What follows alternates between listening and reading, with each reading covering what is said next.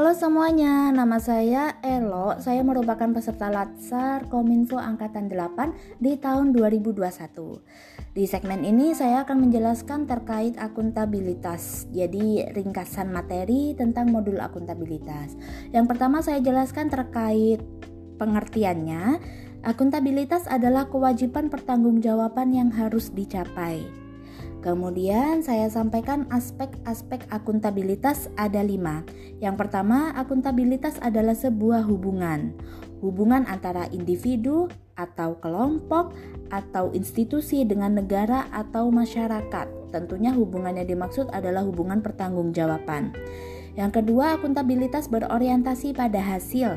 Hasil yang dimaksud adalah perilaku aparat pemerintah yang bertanggung jawab, adil, dan inovatif. Kemudian yang ketiga, akuntabilitas membutuhkan adanya laporan. Ini yang dimaksud adalah laporan kinerja.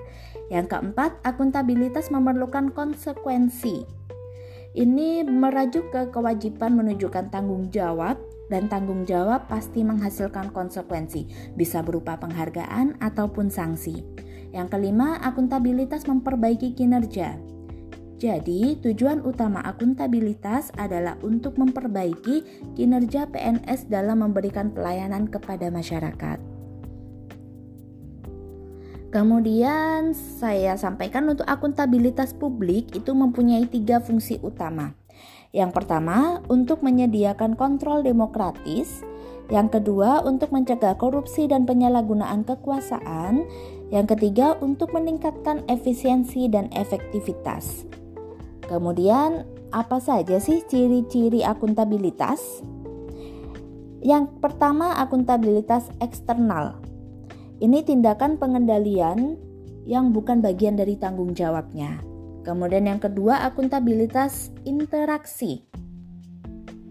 Ini pertukaran sosial dua arah antara yang menuntut tanggung jawab dan yang bertanggung jawab.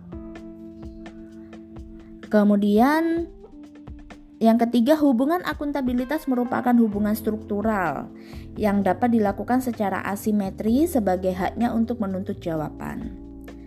Kemudian, akuntabilitas publik itu bisa dikategorikan dua. Yang pertama, akuntabilitas vertikal. Ini pertanggungjawabannya atas pengelolaan dana kepada otoritas yang lebih tinggi. Contohnya dari dinas ke Pemda, Pemda ke pemerintahan pusat. Yang kedua, akuntabilitas horizontal ini pertanggungjawabannya kepada masyarakat luas. Kemudian ada beberapa tingkatan akuntabilitas. Yang pertama personal, kemudian naik ke individu, kemudian naik lagi kelompok, kemudian ke tingkatan selanjutnya ada akuntabilitas organisasi dan yang paling atas adalah akuntabilitas stakeholder e, bisa saya jelaskan secara singkat ya. Yang personal ini mengacu ke nilai-nilai yang ada pada diri seseorang. Kemudian tingkatan individu ini mengacu ke hubungan individu dengan lingkungan kerja atau instansinya. Kemudian untuk yang tingkatan kelompok ini merajuk ke pembagian kewenangan dan menunjukkan semangat kerjasama yang tinggi antar kelompok bisa menunjang organisasi. Untuk tingkatan organisasi ini mengacu pada pelaporan kinerja yang telah dicapai. Kemudian untuk stakeholder ini tentunya yang dimaksud adalah masyarakat umum dan juga pengguna layanan. Ini yang dimaksud adalah tanggung jawab organisasi pemerintah untuk mewujudkan pelayanan dan kinerja yang adil, responsif, dan bermartabat. Kemudian yang jadi pertanyaan, apa sih pentingnya akuntabilitas? E, tentunya untuk merubah citra PNS ya menjadi pelayan masyarakat yang mengedepankan kepentingan publik yang berintegritas tentunya. Kemudian masuk ke materi mekanisme akuntabilitas. Contoh mekanisme akuntabilitas itu seperti pengawasan proses. Jadi bisa pengawasan sistem akuntansi, sistem akreditasinya dan juga sistem pengawasan bisa berupa CCTV atau fingerprint untuk absensi. Kemudian masuk ke pembahasan dimensi mekanisme akuntabilitas. Jadi ada empat dimensi. Yang pertama akuntabilitas kejujuran dan hukum. Yang kedua akuntabilitas proses. Yang ketiga akuntabilitas program. E, ini mengacu ke pertimbangan apakah tujuan yang ditetapkan dapat tercapai. Kemudian yang keempat, akuntabilitas kebijakan.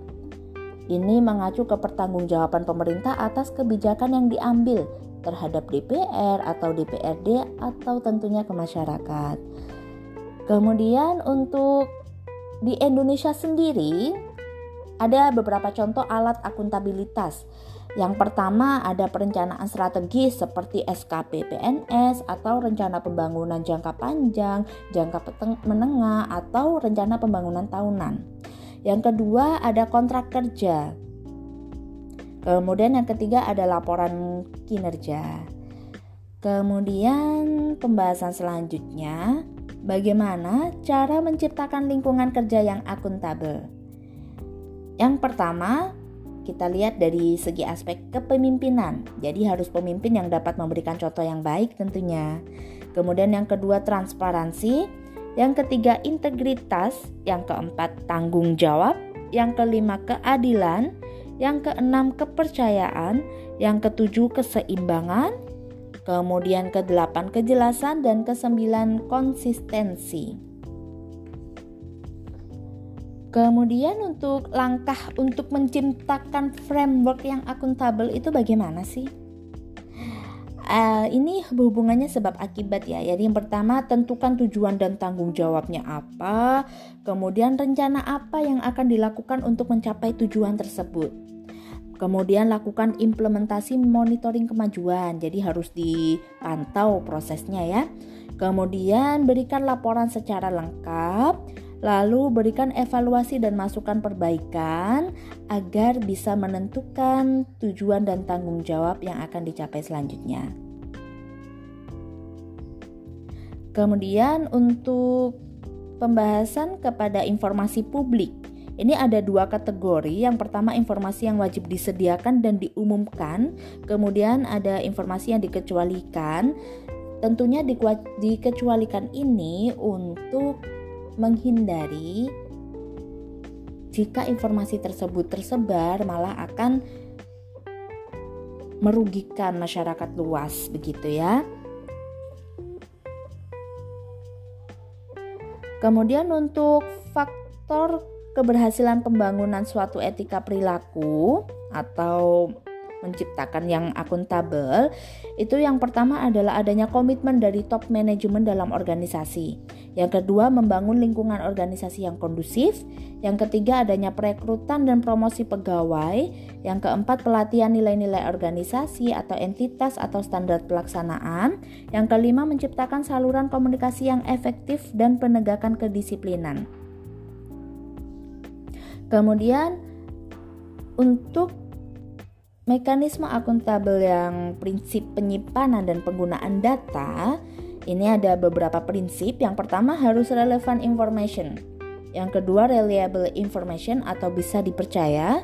Yang ketiga understandable information ini harus dapat dimengerti ya. Yang keempat comparable informasi harus bisa diperbandingkan begitu. Kemudian untuk menjadi pribadi yang akuntabel tentunya kita harus menghindari adanya konflik kepentingan. Jadi, konflik kepentingan adalah situasi yang timbul di mana tugas publik dan kepentingan pribadi bertentangan. Lalu, pertanyaan terakhir, bagaimana cara menjadi PNS yang akuntabel? PNS yang akuntabel adalah PNS yang mampu mengambil pilihan yang tepat ketika terjadi konflik kepentingan, tidak terlibat dalam politik praktis, melayani warga secara adil dan konsisten dalam menjalankan tugas dan fungsinya. Jadi PNS harus bertindak sesuai dengan masyarakat persyaratan legislatif, kebijakan lembaga, dan kode etik yang berlaku untuk perilaku mereka. PNS tidak boleh mengganggu, menindas, atau diskriminasi terhadap rekan atau anggota masyarakat. Kebiasaan kerja PNS, perilaku dan tempat kerja pribadi dan profesional, hubungan berkontribusi harmonis, lingkungan kerja yang nyaman dan produktif. Kemudian, PNS tentunya harus melayani stakeholders setiap hari dengan tepat waktu, memberikan masukan informasi dan kebijakan. Dan yang tidak kalah penting, PNS membuat keputusan yang adil, tidak memihak, dan segera memberikan pertimbangan untuk semua informasi yang tersedia. Itu beberapa penjelasan terkait akuntabilitas modul di agenda 2 pada pelatihan Latsar tahun ini. Terima kasih.